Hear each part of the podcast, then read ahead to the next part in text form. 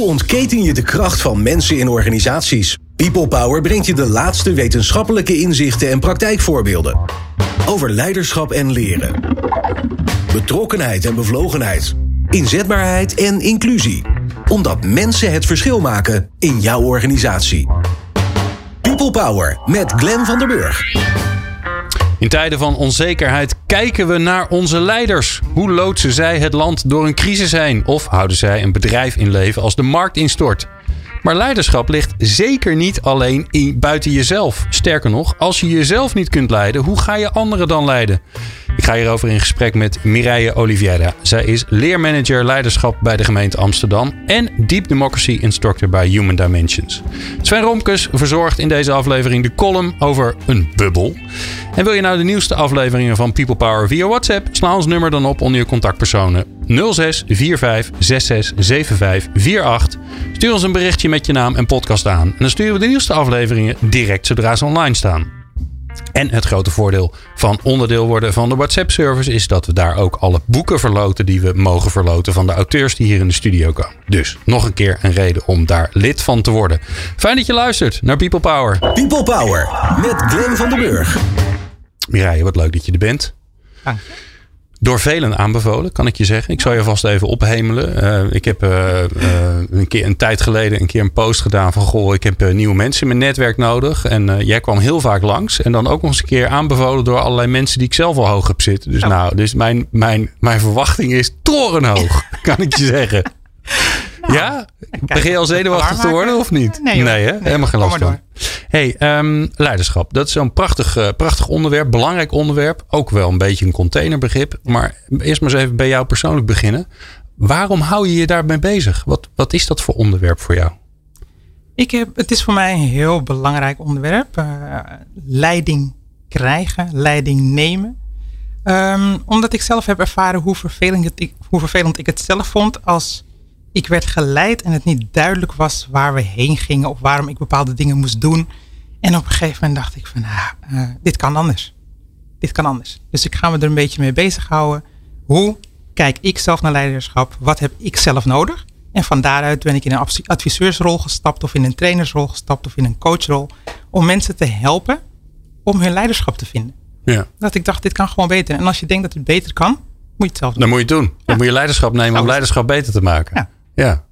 Hey, en uh, wat, uh, want leiderschap begint natuurlijk uh, ja, begint al op een jonge leeftijd. Tenminste, als ik, als ik kijk hoe ik er naar kijk, dan denk ik, ja, die, die voorbeelden zijn, die worden al in een vroege jeugd worden die, worden die geboren. Hoe, hoe zit dat bij jou?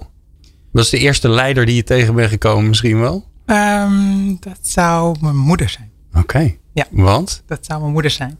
Mijn moeder is een, wat je noemt een dienende leider. Die uh, stond samen met mijn vader en met mijn oma trouwens uh, uh, aan het hoofd van het gezin. En die regelde alles achter de schermen. En alles ging zoals het moest gaan. Achteraf gezien, hè, met de kennis van nu. Maar zij regelde alles. Ze maakte niet te veel bombaries. Ze zorgde ervoor dat er boodschappen waren. Dat, de, dat we naar muziekles gingen. Dat we naar karate gingen. Dat we een goed diploma haalden. Ze voerde heel veel gesprekken met ons. Maar ze was niet heel zichtbaar aanwezig. Mijn vader was veel meer op de voorgrond. Mijn oma was ook veel meer op de voorgrond. Maar dat leiderschap van mijn moeder, dat is eigenlijk waar ik heb gezien dat je het dus zonder dat je je heel groot maakt, ontzettend effectief kunt zijn. Maar. En ja, daarvan dacht ik van oké, okay, dat is voor mij echt een voorbeeld van hoe leiderschap er ook uit kan zien. Zonder dat het perfect is, hè? het was niet perfect. Maar het was voor mij wel een hele duidelijk, het gaf heel duidelijk richting.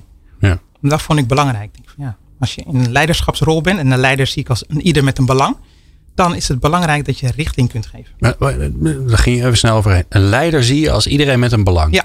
Dat moet je even uitleggen. Als, je, als het gaat over leiderschap, denken we vaak aan uh, leiders in een functionele rol. Managers, uh, uh, directeuren of CEO's. Maar ik kijk naar leiders en ieder die een belang heeft waarvan hij denkt van dit zou iets kunnen toevoegen aan een ander of aan een groep. En dat ook kenbaar maakt. Dus uh, leiderschap uit zich ook in je gezin of in een familie of in een vriendengroep. Daarvoor hoef je niet een functionele plek te hebben als leidinggevende. Leiderschap en manager zijn twee verschillende dingen. Ja, leiden is dus een werkwoord. Ziet wat je doet. Leiden, ja, zeker. Maar dan met een korte lijn. Ja, niet, eh, die andere gaan we het vandaag nou ja, waarschijnlijk niet over hebben. Misschien komt het nog wel langs. Nee, wel leuk om dat, eh, dat werkwoord even te pakken. Hè? Leiden. Mhm. Wat doet iemand die leidt? Hoe ziet dat eruit? Voor mij is dat ehm, dat je weet wie je bent. Dus dat je eh, eh, kunt reflecteren op jezelf. Dat is nog niet, is niet zo'n last. Het is niet zo'n makkelijke Nee, vraag. nee, toch? nee, nee, nee. Ik Het ben is- er nog steeds niet achter. Nee, het is lifetime vaak. Een, een, een levenslange zoektocht. En er zijn hele studies. Er zijn mensen die zich al hun leven lang ermee bezighouden. Het antwoord te vinden op de vraag wie ben ik. Maar dat je in ieder geval een poging doet om te reflecteren op jezelf. En te kijken van wie ben ik? Wat drijft mij? Waar word ik blij van? Waar loop ik op leeg? Welke impact heb ik op anderen? Hoe, is, hoe ben ik in de interactie? Ja. En eh, een leider is dus iemand die dat voor ogen heeft. Of die er in ieder geval nieuwsgierig naar is. En ehm, voor mij gaat leiden ook over dat je weet waar je staat. Dus waar, wat is je intentie? Waar ben ik nu? En dat je ook weet waar je naartoe gaat. Dus wat is mijn bestemming? Waar wil ik heen? Ja, dus het gaat over zijn. Wie ben ik? Eh, dus het gaat over zijn. Het gaat over eh, waar ben ik? Waar ga ik naartoe? Dus het is er, er zit ook beweging in. Ja. Ehm, als je nou leiderschap even in, in het perspectief zet eh, met persoonlijk leiderschap. Wat, wat is dan het verschil tussen die twee? Als het gaat over persoonlijk leiderschap, dan kijk je naar het klein. En dan is het dus welke beslissingen wil ik nemen die voor mij van belang zijn, die voor mij van belang zijn om te kijken waar ik naartoe wil. En als je kijkt naar leiderschap in het groot, in een team of in een organisatie of in een land, dan is het persoonlijk leiderschap van invloed op de keuzes die ik maak voor anderen. Dus dan ben ik degene die weet waar ik naartoe wil met mijn team. Of in de organisatie of in dit land. Gaat persoonlijk leiderschap dan niet bijna altijd over op, op leiderschap? Want, want als je, je je wil iets voor jezelf, maar daar, daar wil je meestal ook niet. Nou ja, sommige mensen die willen dan rijk worden of meer van dat soort, zeg maar, wat plattere dingen. Maar er zijn ook heel veel mensen die, die willen iets met de maatschappij. Ja. Die beginnen dan bij zichzelf door iets te doen. En dan ineens kijken ze om zich heen en denken ze, hé, wacht even, er zijn allemaal mensen om me heen terechtgekomen. Waar komen die ineens vandaan? Ja, kan. En dan ben je ineens een leider voor anderen. Klopt. En ehm, het gaat niet altijd over in leiderschap. Ik denk wel dat als je een sterke persoonlijk leider bent, dat je vanzelf inderdaad die mensen om je heen hebt. Ook al heb je het niet om ze gevraagd. Ja. Want dat, dat heeft heel erg, denk ik, te maken met authenticiteit. Als je zelf weet wie je bent, dan trekt, is dat heel aantrekkelijk voor mensen. Ehm, dus die komen dan vanzelf op je af. En je kunt daar ook een keuze in maken. En daar komt het stukje persoonlijk leiderschap in, in kijken. Wil ik die leider ook zijn voor anderen? Zo heb ik bijvoorbeeld laatst een groep begeleid eh, met Deep Democracy. En daar ging het over leiderschap. Daar wilden ze het leiderschap lager in de organisatie leggen. En tijdens die sessie en na die sessie gebeurde er iets waardoor ze zeiden van nou, ik ben altijd de leider. En dat ben ik eigenlijk tegen wil en dank. Ik ga een stap terug doen. Ik ga kijken wat ik dus doe. Waardoor ik telkens die hele groep mensen achter me heb of om me heen heb staan. Ik wil dit niet meer. Ja. Ik wil daadwerkelijk een andere beweging maken zodat andere mensen nu naar voren stappen. Ja. En dat heeft te maken met het bewustzijn op je eigen leiderschap. Ja. Wie ben jij? Wie ben ik? Is diezelfde grote vraag, hè? Ja. Nou ja, jij stelt het natuurlijk eh, heel vaak aan anderen. Ja, zeker. Wie ben ik? Ik ben, als ik een grote hap lucht neem en de bescheidenheid achter me laat, Doe maar. dan ben ik een moedig mens. En want? Waarom ben je een moedig mens? Ja. Ehm, ik ben niet zo bang voor conflict. Oké. Ik durf conflicten aan te gaan. Ik durf ze aan te kijken. Ik durf de gesprekken te voeren die er nodig zijn om te ontdekken van waar verschillen jij en ik in. Ik ben ehm, ook iemand die eh, zichzelf niet ontslaat van de pijn die hoort bij naar jezelf kijken. Dus ik ga door allerlei processen heen. Daarom ben ik ook met veel plezier coach. Omdat ik, ik weet waar het over gaat. I've been there. Ik weet dat groeien pijn doet. Kan dat niet anders? Dan dat je daar zelf ook doorheen gaat? Kan je anders gewoon dat niet doen, überhaupt? Ik denk wel dat er, ehm, ja, dat denk ik wel. Ik denk dat je ehm, zelf wel moet weten waar het over gaat. En dat is niet bij alle vormen van leiderschap zo, maar bij coaching zeker. Bij coaching absoluut. Dan heb je, dat Ja. is ook bij zo'n coachopleiding word je eerst helemaal binnenstebuiten gekeerd. Ja. En dan wordt er gekeken naar jouw eigen blinde vlekken en naar je eigen reflectie, reflexen. En dan, eh, ja, bij coaching is dat wel belangrijk. Absoluut. Hoe, hoe ben jij, ehm, ehm, je bent geen 25 meer, ook al heb ik geen idee hoe oud je wel bent. dus dat is eh, een compliment bij Dank je. deze. Dank je. Ehm, hoe- ben jij, hoe ben je verandert voor jezelf. Hè? Want als je daar natuurlijk langer tijd mee bezig bent, dan op een gegeven moment denk je ook, ik ben er nu achter. Mhm. Tenminste, als ik voor mezelf spreek, denk ik, oh, ik snap nu ongeveer hoe ik in elkaar zit. Mhm. En dan een paar jaar later denk je, nee, het was toch anders. Ja, klopt. Dus hoe, hoe, ben jij, hoe ben jij zelf geëvalueerd daarin? Ik ben denk ik een jaar of twintig geleden begonnen mezelf de vraag te stellen van hoe kan het dat ik in deze situatie zit eh, en hoe kom ik eruit? En dat had te maken met mijn persoonlijke, met mijn gezinssituatie, maar ook met mijn werk. En ik verloor ontzettend veel energie. Ik was ontzettend hard aan het werk. Zowel thuis als ehm, op het werk. En dat wilde ik niet meer. Ik werd er echt moe van. Dus ik ging mijzelf vragen stellen van wat doe ik waardoor ik in deze situatie blijf? En toen ik die vraag ging stellen, dat is een hele confronterende vraag. Toen ben ik gaan ontdekken waar mijn uh, reflexen in zaten. Wat, wat, ik wilde zijn naar de buitenwereld toe. Wie eigenlijk leg je de schuld bij jezelf neer. Je kan natuurlijk, hè, want je, je kunt natuurlijk ook zeggen, ja, uh, mijn baas, mm -hmm. mijn man, mijn, mijn ja. kinderen. Je kan de hele wereld, hè, corona, je kan de hele wereld de schuld geven. Zeker. En dat is eigenlijk veel relaxter dan dat je zegt, ik ja. zelf. Ja, zeker. Want dat doet pijn. Dat doet ook heel veel pijn. Het, is ook, ja. het begint er ook vaak mee met, ik heb continu ruzie met collega X. Of uh, mijn man begrijpt me niet. Ja. Ik snap die Jouw man ook al niet. Ja, mijn man ook niet. Daarin ben ik niet anders dan andere vrouwen. mijn man snapt me niet. En wat het uh, inzicht was, is dat ik er niet, zelf, niet alleen uit zou komen. Ik moest het wel zelf doen, maar ik had daar hulp bij nodig. Er was iemand die mij moest spiegelen op wat ik aan het doen was. Op mijn gedrag, maar ook op mijn overtuigingen. Maar ook op waar ik wel blij van werd, mijn drijfveren. En toen ik die persoon gevonden had, toen kon ik daadwerkelijk gaan werken aan mezelf. Dus ik wist het moet anders, ik wist alleen niet hoe. En ik had wel de helderheid van geest om te bedenken van ik kan dit niet alleen. En dat heb ik uh, met vriendinnengroepen gedaan. Ik zit in verschillende vrouwengroepen, empowermentgroepen. Uh, vrouwen die elkaar op andere manieren bekrachtigen door heel vaak alleen maar te luisteren. En ook met hm. mannen te praten. Met mannen die anders zijn dan ik. En daar heb ik heel veel inzicht in gekregen. En in de loop van de jaren trainingen gevolgd en gewoon doen. Doen, beginnen, vallen, opstaan. Jezelf laten zien en, en, durven om de ander te zijn die je daadwerkelijk wilt worden. Want het, ja, dat, ik zeg het wel in een paar zinnen, maar het is rete moeilijk. Ik ben ja, er twintig jaar mee bezig. Ja, tuurlijk. Um, hoe, hoe, kijk je aan tegen um, wat erin zit en, en wat je kan worden? Want dat zijn natuurlijk ook twee kampen vaak. Ja. Die zeggen ja, hè, je bent een leider. Ja. Zo ben je geboren. Dat zit nou helemaal in je. Je kunt er ook niks aan doen. Hè. Het is ook soms een beetje een vloek die op je rust. Want Mhm. ja, voordat je het weet loop jij weer uh, de boel te regelen. Of sta jij weer vooraan als er weer uh, wat moet gebeuren.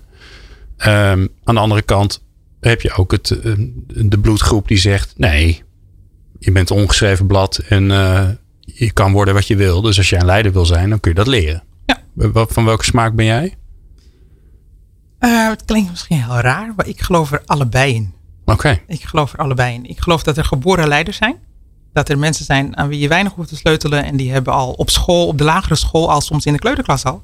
Zie je dat ze uh, volgers hebben of dat zij de lakens uitdelen.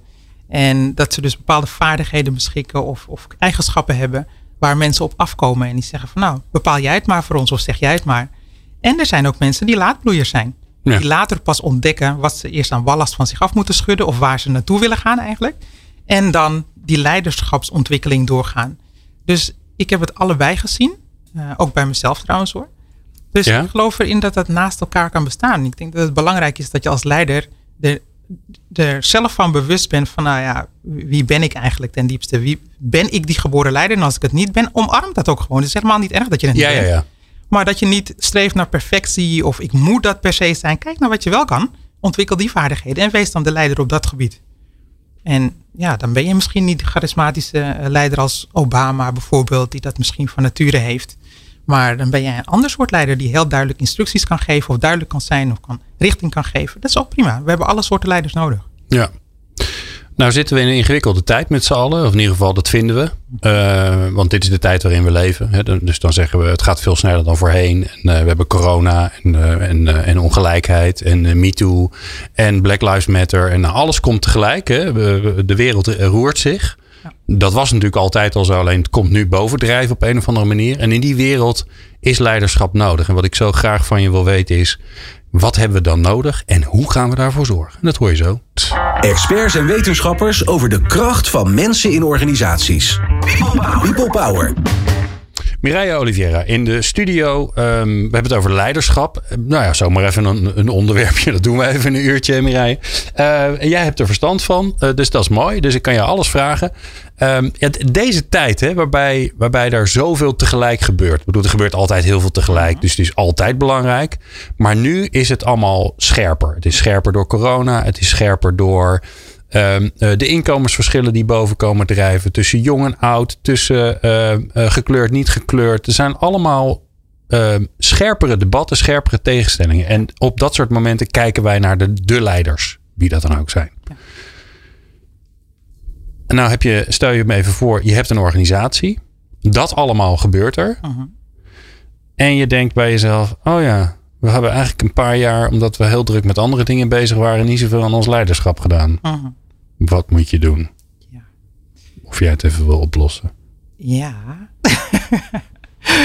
oplossen. Nou, ik kan het niet voor ze oplossen. Ik kan alleen wel uh, aangeven dat het in deze tijden en in zo'n situatie hè, van polarisatie, maar ook van verschillende grote problemen die ook complex zijn. Dat en dat we het gewoon niet weten, hè? Nee, klopt. Toch? Ook dat, vooral. Juist. Dat je, dat je niet weet wat de oplossing is. En dat er ook niet maar één oplossing is. Nee. Dat je gaat luisteren. Ik denk dat een belangrijke vaardigheid van leiders is dat ze in staat zijn om te luisteren naar hun mensen. Naar de mensen die ze aangeven dat er iets speelt. Dat ze in staat zijn om stil te zijn en niet te praten, maar daadwerkelijk hun mond te houden en te luisteren. En als ze dat kunnen, dan kunnen ze ook vragen gaan stellen. In plaats van bepalen wat volgens hun de richting moet zijn. Mm Je weet het niet. Met z'n allen weten we het niet. Een heleboel van de problemen die je nu net benoemt, worden ook wel omschreven als wicked problems. Problemen die dus niet een eenduidige definitie hebben, niet één oplossing kennen, waar er vaak ontbrekende informatie is. En in een context die ook nog verandert. Als we kijken naar polarisatie of naar MeToo of naar genderongelijkheid, het zijn allemaal van dat soort problemen. Er is niet één oplossing voor. En ik denk dat en het is een soort mijnenveld. Want als je wat doet of zegt of je beweegt, er is altijd wel iemand waar je het niet goed voor doet. Ja, precies. En dat is ook een, een, een, belangrijke, uh, een belangrijk gegeven bij leiding geven of bij leiderschap. Je kan het nooit voor iedereen goed doen. Hm. En dat je dat dus ook accepteert. En daar komt ook weer het stuk persoonlijk leiderschap in kan ik er tegen als iemand tegen mij zegt van ja Mireille, eh, dit was echt hartstikke rot wat je hebt gedaan. Of ik ben het er helemaal niet mee eens of ik word hier heel ongelukkig van. Ja. Ben ik dan in staat om te luisteren? Om dus een stap achteruit te doen, mezelf even uit te schakelen en te zeggen oké, vertel er eens wat meer over. Wat, wat wil je erover kwijt? Wat heb ik gemist? Of wat heb ik niet gehoord of niet gezien? En ja, ik kan jou niet altijd uh, je zin geven. Ik kan niet altijd iedereen zijn zin geven.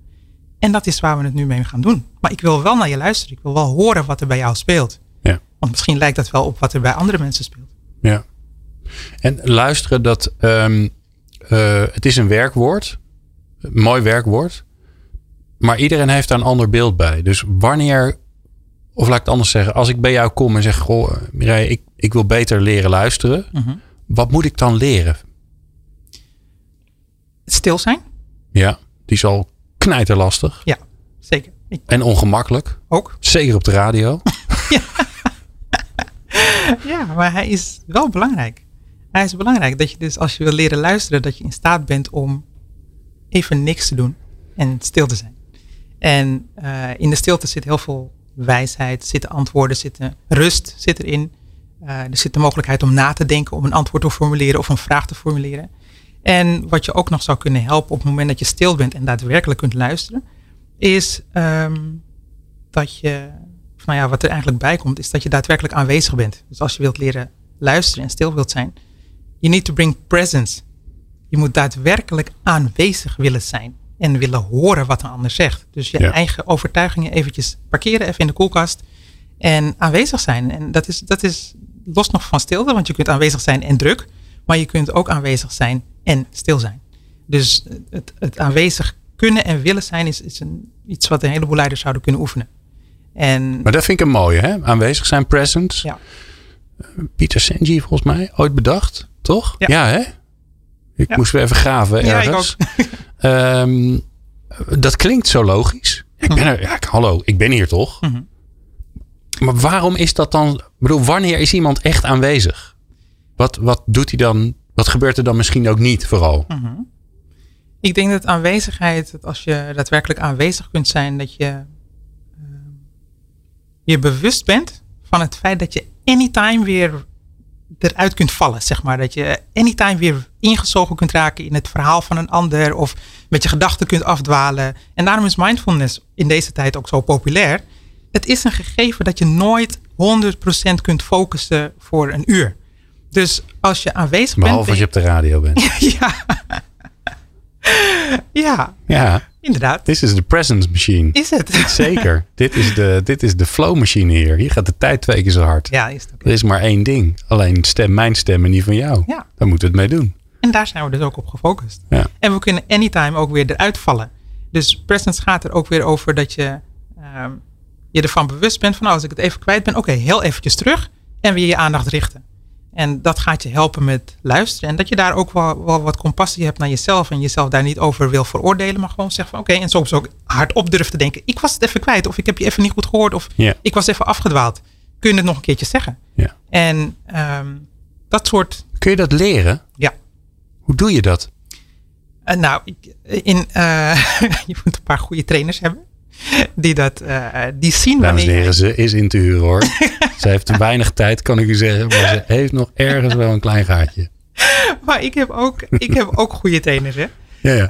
Ehm, dus het is aan de ene kant werken aan jezelf. Dus je kan het echt wel leren. Begin gewoon met één minuut stil te zijn. Mediteren. Of nadenken. Of niet praten. Of uit het raam kijken. Dat, dat, dat is ook leiderschap. Je persoonlijk leiderschap. Even niks. Ik kijk gewoon vijf minuten uit het raam voordat ik die vergadering inga. En ik ben stil. En, Ik doe het als ik aan het wandelen ben met de hond. Sorry hoor. Dan ehm, dwing ik mijzelf, want ik heb ook last van dat mijn hersenen altijd doorgaan, dat ik wat ideetjes heb. Maar dan dwing ik mezelf om naar de bomen te kijken. Oké. Valt niet mee. Nee. Nee, dat valt echt niet mee. Maar ik merk dat het, dat het helpt. Dat ik denk, ik ben in de natuur. Ik ben nu in de natuur. Punt. Ja. En ik moet die hond een beetje in de gaten houden, dat wel. Maar Ja. dat is het. Ja, dus dat je een heleboel oordelen of wat je ervan vindt. Je hoeft er helemaal niks van te vinden. Wees gewoon. Wees gewoon. Maar daar zeg je ook wel iets heel belangrijks. Niet oordelen. Nee. Maar Dat, Probeer gaat, er niet dat op. gaat continu door in je De hoofd. hè? hele tijd. Wat je er overal van vindt. Wel niet goed. Ja. Lelijk, mooi. Ja. Goed, fout. Ja, en, en als je dus, ehm, eh, als je daar, als je weet van jezelf dat dat dus gebeurt, dat je continu aan het oordelen bent, dan kun je dus tegen jezelf zeggen, oké, ik ben nu weer aan het oordelen. En that's it. En dan ga je weer met je aandacht terug. En als je dat leert, dan zie je dat je steeds makkelijker aanwezig kunt zijn. En, en mij helpt het zelf om regelmatig stil te zijn. Ik heb een, een zoon van 18 en die verbaast zich er elke keer over dat ik gewoon op de bank kan zitten. Dan komt hij thuis en dan zegt hij, ma, u bent echt de enige die voor de tv kan zitten, terwijl de tv niet aan is. Zegt hij nog u tegen je? Ja, hij zegt Oh, u tegen oh. Ja, het is wel iets cute. Surinaams, denk ik. Ja, ja, ja. Die zegt, ehm, eh, u zit gewoon voor u uit te staren en u doet niks. Ik zeg, jongen, weet je hoe moeilijk dat is om gewoon niks te doen? Ik ben heel hard aan het werk. Ja. Ja, je doet, Ja. ja. het oefenen in het niks doen, dat is wat mij heel erg helpt om aanwezig te zijn, ook bij trainingen. En, ehm, en ook in coaching, om te kunnen luisteren. Niet hoeven praten, niks te hoeven doen, meer zijn en minder doen. Ja, dat, het is grappig dat je dat zegt. Ik, ik begeleid ook wel eens groepen en ik merk dat dat misschien wel het hardste werken is om helemaal in tune te zijn met die groep. Zeker. Dat je er echt bent voor die groep, dat je er eigenlijk zelf bijna niet meer bent en dat je alleen maar aan het voelen bent.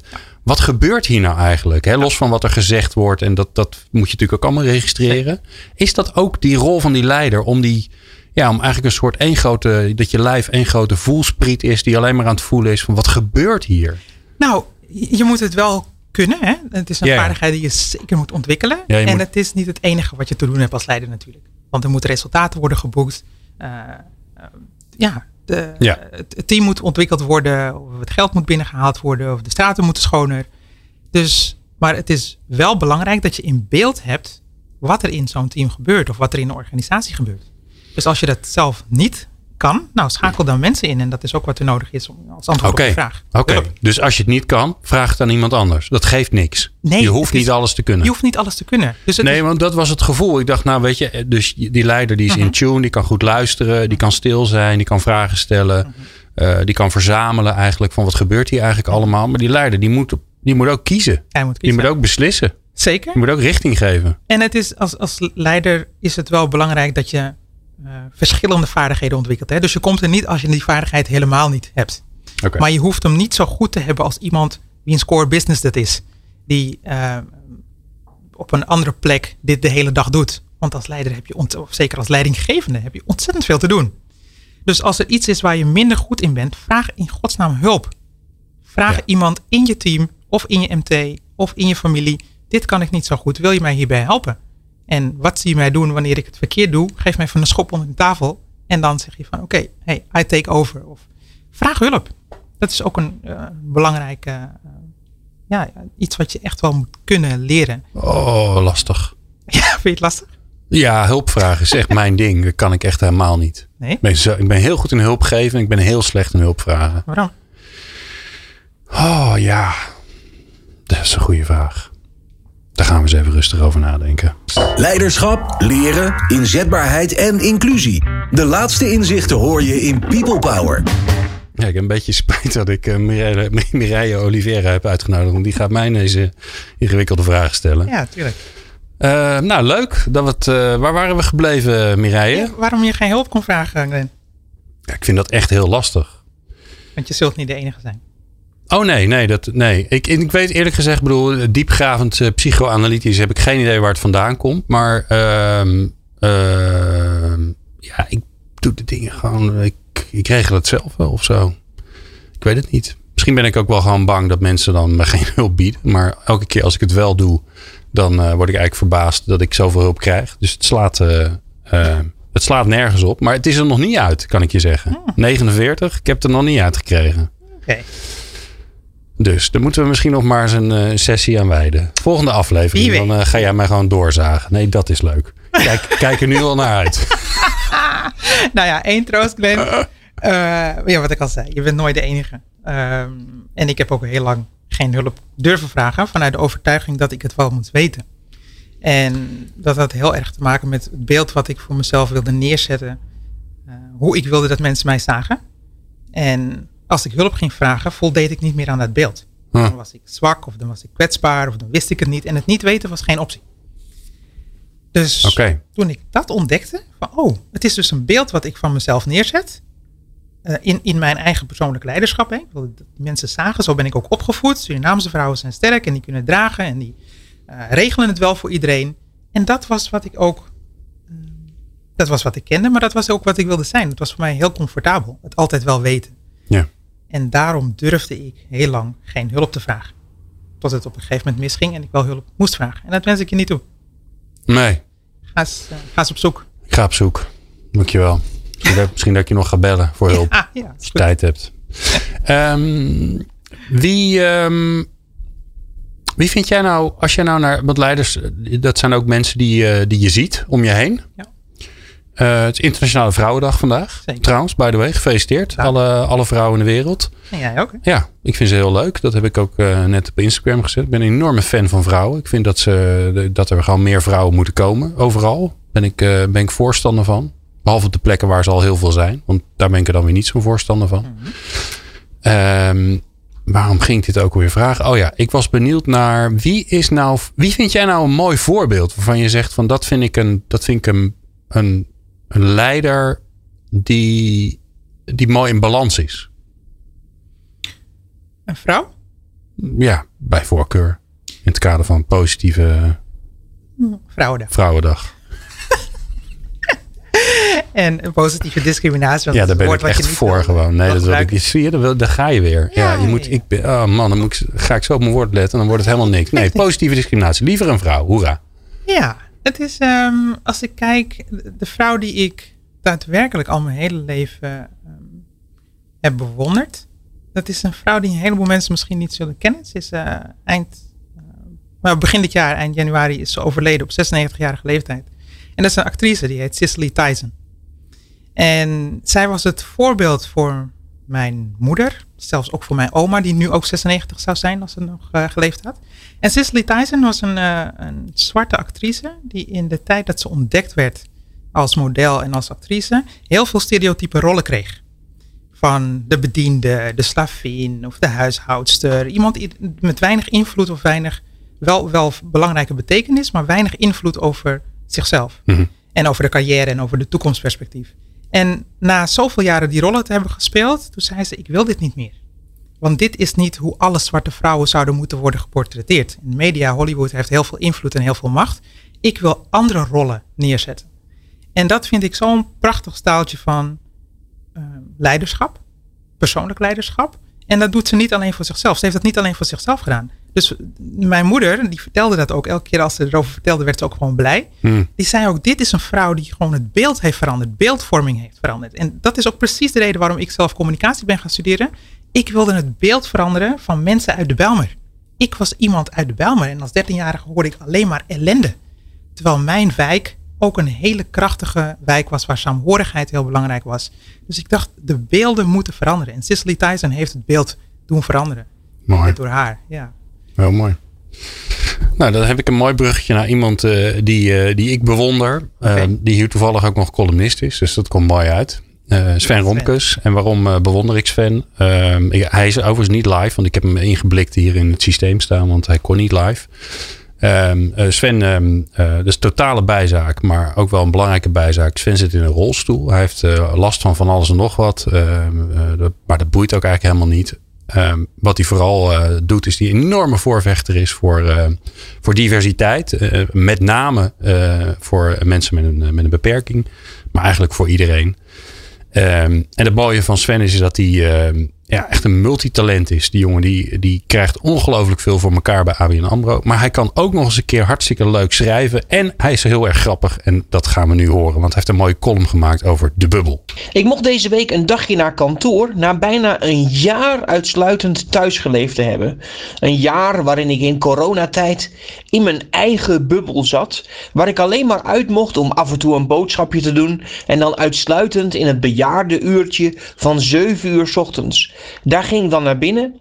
En binnen een uur de tijd met amper één of twee andere mensen in de winkel snaaide ik mijn week aan stash bij elkaar om vervolgens bijna ongezien weer huiswaarts te keren om snel weer in mijn eigen bubbel te gaan. Kijk, vrienden zagen we natuurlijk nauwelijks, met uitzondering van mijn quizcompetitie die we uitsluitend op zondagavond digitaal spelen, zodat mensen ook in hun eigen bubbel te kunnen verblijden, verblijven eh, en toch mee kunnen doen. En naast de coronabubbel is er natuurlijk ook mijn eigen roze liefdesbubbel thuis. Die is nu al een jaar stabiel, hoewel enkele scheurtjes er natuurlijk onverhoopt in kunnen gaan zitten, omdat we een jaar lang bovenop elkaars leven. De enige manier om de liefdesbubbel te laten klappen is omdat mijn vriendin tegenwoordig niet meer naar de winkel toe kan, maar dat we alles thuis laten bezorgen. En of je nu een kast hebt of kleding, overal zit van dat bubbeltjesplastic in. En mijn vriendin heeft de verslaving om dat bubbeltjesplastic zo door te prikken. Pang, pang, pang, pang, pang. En als ik daar als notaris past net een kopje koffie bij heb ingeschonken, dan kan dat voor de nodige irritatie zorgen. Uh, maar naast mij is de kat er ook inmiddels zat van en springt ook niet meer op bij het doorprikken van de bubbeltjes plastic. Maar deze man mocht eindelijk afgelopen uh, donderdag uit zijn bubbel. Ontsnappen uit zijn bubbel. Ik deed een groen pak aan, een stropdas, een roze overhemd. En ik ging lekker om kwart voor zes ochtends de auto in om om acht uur in Amsterdam te zijn. Het was de lancering van het platform van HandicapNL Wij Rollen in een heuse talkshow. Want de verstikkende coronabubbel zorgt voor veel eenzaamheid onder jongeren met een beperking. En hoe mooi is het dan dat we een platform lanceren waar mensen met elkaar in gesprek kunnen over onderwijs, arbeidsmarkt, zorg, relatie en zelfs seks. Zo wordt iedereen's bubbel groter. Maar voordat ik de ruimte van de talkshow mocht betreden, moest ik worden getest. Geen enkel probleem voor mij. Een stokje in je neus, dat moet kunnen als je je spasmen maar onder controle houdt. Echter in het systeem kon men mij niet terugvinden en werd er gesteld of ik nog wel langer bij ABN AMRO in dienst zou zijn. En plots in mijn hoofd sprong mijn bubbel. Ben ik überhaupt nog wel in dienst? Maar gelukkig, daar kwam de uitslag. Uh, en na een hercontrole van de controle van de controle bleek ik toch te bestaan. En na een negatieve coronatest die door mijzelf heel positief in ontvangst werd genomen, mocht ik de talkshowruimte in. Met allemaal mensen die ook getest waren. Mensen die in een eigen bubbel leefden. Mensen die je mocht aanraken op minder dan anderhalve meter. Een high five kon geven. Ja, zelfs een knuffel. Binnen de bubbel was de wereld normaal. Ik kreeg een voorproefje van de samenleving en hoe die eruit ziet uh, na corona. Een normale samenleving waarbij je weer gewoon kan meedoen. De lancering van het platform was natuurlijk de kers op de taart, omdat straks iedereen uh, binnen of straks buiten zijn bubbel gewoon kan meedoen. En het gevoel dat je had om iedereen weer aan te raken was helemaal fantastisch. De talkshow ging goed. Uh, we hebben uiteindelijk een platform heel mooi gelanceerd uh, met een glaasje water met munt. Maar eigenlijk was dat gevoel van echt weer meedoen in een samenleving na corona, dat kon wel iets anders gebruiken. Misschien wel gewoon een glaasje drank, een glaasje champagne. Het echte gevoel delen met een glaasje champagne. Dat moet iedereen doen, ook de luisteraars thuis. Maar dan natuurlijk wel champagne met bubbels. Ja, mooi Sven. En alweer iets voor elkaar gekregen. Een mooi platform. Wij rollen. Uh, daar kun je gewoon even googlen en dan kom je er vanzelf. Dankjewel Sven en tot de volgende maand. Hoe ontketen je de kracht van mensen in organisaties? People Power. People Power gebeurt ook iets raars in een, uh, als je in, samen in een live bent op de radio. En dan gaat de tijd heel snel. Dat weet ik. Maar mijn gasten die verbazen zich daar nog steeds over als ze langskomen. Want die komen hier vaak voor het eerst. Ja, Mireille, uh, we zijn in het laatste stukje aangekomen. Dus uh, wij smoezen dan altijd even stiekem. wat, waar willen we het nog over hebben? En ja, eigenlijk aangesloten op de column van Sven leiderschap en inclusie. Vaak wordt inclusie, uh, diversiteit, maar laten we het over inclusie hebben, dat is veel belangrijker wordt een beetje uh, ondergebracht bij iemand. Mm -hmm. hoe, horen die, hoe horen die twee bij elkaar? Hoe kijk jij daarnaar?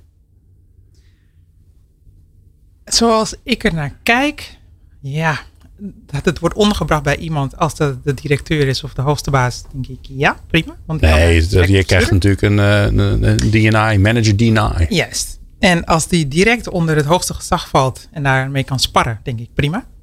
Maar als het ergens lager in de organisatie belandt, dan uh, is een goede voorspeller dat er bureaucratie bij komt kijken, dat er niet genoeg capaciteit voor wordt vrijgemaakt, dat er geen financiën zijn, dat er niet genoeg. Uh, dat het meer een soort van iets is wat je erbij doet.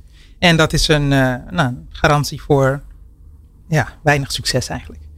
Dus als je DNA of diversiteit en inclusie, dat zou echt onderdeel moeten zijn van alle disciplines in je organisatie. En als je dat serieus neemt, dan maak je er ook mankracht voor vrij, maak je de tijd voor vrij. Dan heb je daar een visie op ontwikkeld ja. en die draag je zelf uit. En hoe ziet een inclusieve leider er dan uit? Wat, wat, wat doet hij anders? Die haalt op wat hij misschien zelf nog niet weet. En mag ik jou daarop uitdagen, Glenn? Ja, spannend. Ik heb... Uh... Ik begin nu al spijt te krijgen dat ik uitgenodigd. maar kom op. Ik ga je uitdagen, niet alleen jou. Ga jou zo om hulp vragen dan? Ja, dat is goed. Ja, toch? Niet alleen jou, maar eigenlijk uh, New Business Radio. Ik, oh, uh, ja. ja, ik keek naar het plaatje waar jullie mij mee aankondigden, of dit programma mee aankondigden. En uh, dus online, dus alle luisteraars kunnen dat nu ook bekijken. En daar zag ik een beeld, een prachtig plaatje trouwens, ja. van een hand. En op die hand dansten, of waren poppetjes aan het lopen. En als je kijkt naar die hand, dan zie je dus waarschijnlijk hoe jullie organisatie eruit ziet. Ja. Vul ik zomaar in. Wit. Een witte hand, waarschijnlijk van een man met een wit poppetje met een vlag, een man. Vervolgens een, dat is misschien de directeur of de CEO. En dan een uh, adjunct, en die is ook wit, een man. En vervolgens twee vrouwen. En daarachter misschien een jongeman die ik invul, dat is de training. Ja. Dit zou gewoon een MT kunnen zijn van de bedrijven waar ik over het algemeen training kom geven. Maar het kan ook een hele doorsnee zijn van de organisatie. En als je dus, wanneer het gaat over leiderschap en inclusiviteit, dan denk je erover na, wat missen we hier? Ja. Wie missen we in dit beeld op het moment dat we daadwerkelijk weten wie we willen zijn? En ik denk dat jullie jezelf die vraag niet hebben gesteld. Um, Klopt. Dat? Nou, dat, ik denk het. Ja, nou ja, dat is ingewikkeld, want uh, uh, uh, New Business Radio is niet mijn bedrijf, maar ik werk hier wel als, als zeg maar presentator. Mhm. Maar wij zijn hier met te veel mannen en, en, en te wit. Zeker. Ja, dus dat klopt. En, en we hebben het er niet gestructureerd genoeg over. Overigens, over het programma, hè, want je bent nu te gast in People Power, ehm, vraag ik me dat wel regelmatig af. Maar ik merk wel dat, ehm, dat, ik, dat, ik, dat, ik, dat ik regelmatig wakker moet worden. Ja. En want je zit ook in een soort van, ehm, van eh, machine waarbij je aan het draaien bent. En je bent aan het werk. Je bent gasten aan het uitnodigen met klanten. eh, eh. En dan heb ik regelmatig dat ik weer even door de, de lijst kijk met iedereen die komt. Dan denk ik, hmm, te veel mannen.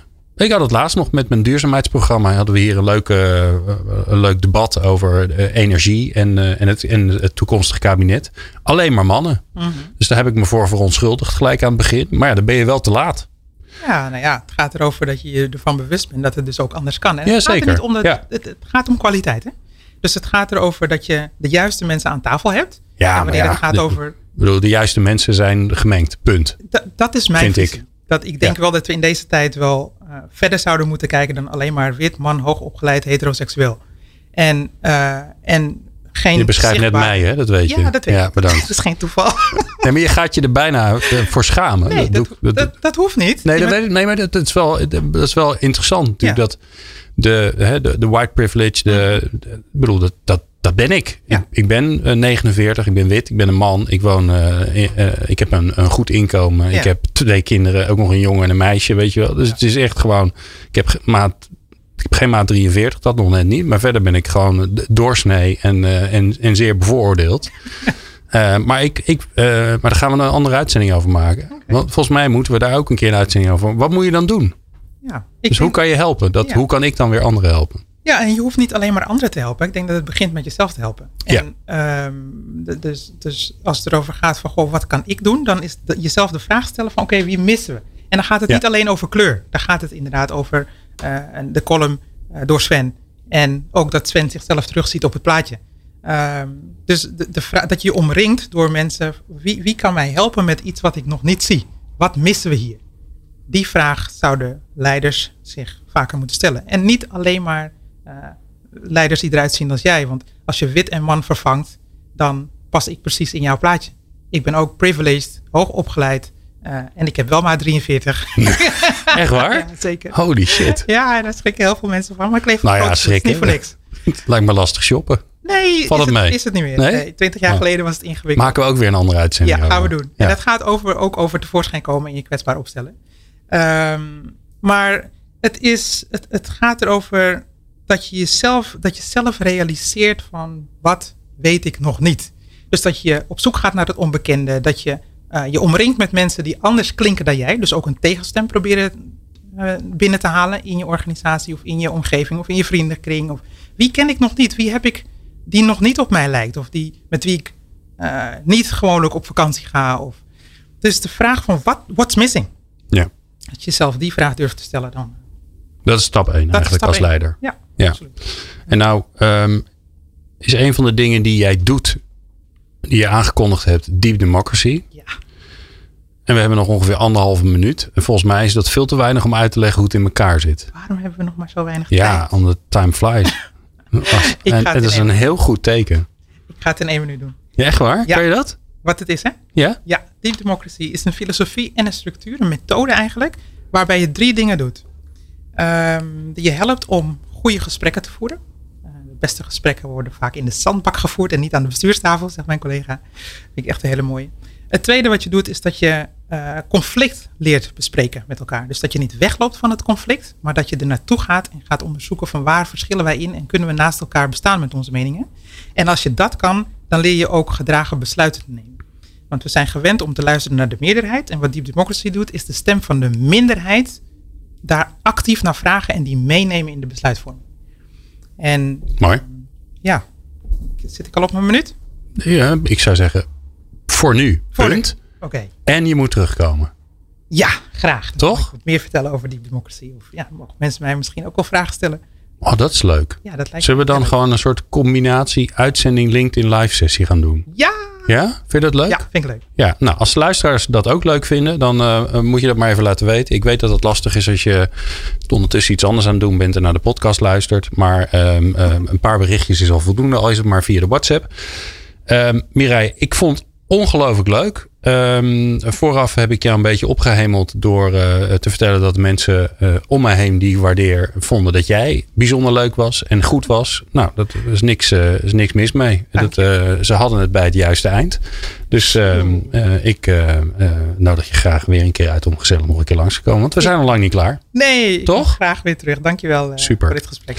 Dankjewel. Vond jij uh, deze aflevering nou ook interessant? Dat hoop ik natuurlijk. Um, en wil je ons helpen? Kijk, ik vraag om hulp. Wil je ons helpen bij het verspreiden van onze podcast? Geef ons dan vijf sterren op Apple Podcast. Of volg ons op Spotify. Of geef ons een like of een duimpje. Of nou, je weet wel hoe dat werkt. Zo komen wij namelijk weer hoger in alle rankings. En dan gaan weer meer mensen ons ontdekken en luisteren. En dan maken we de wereld weer wat mensgerichter. Ik dank je in ieder geval zeer voor het luisteren.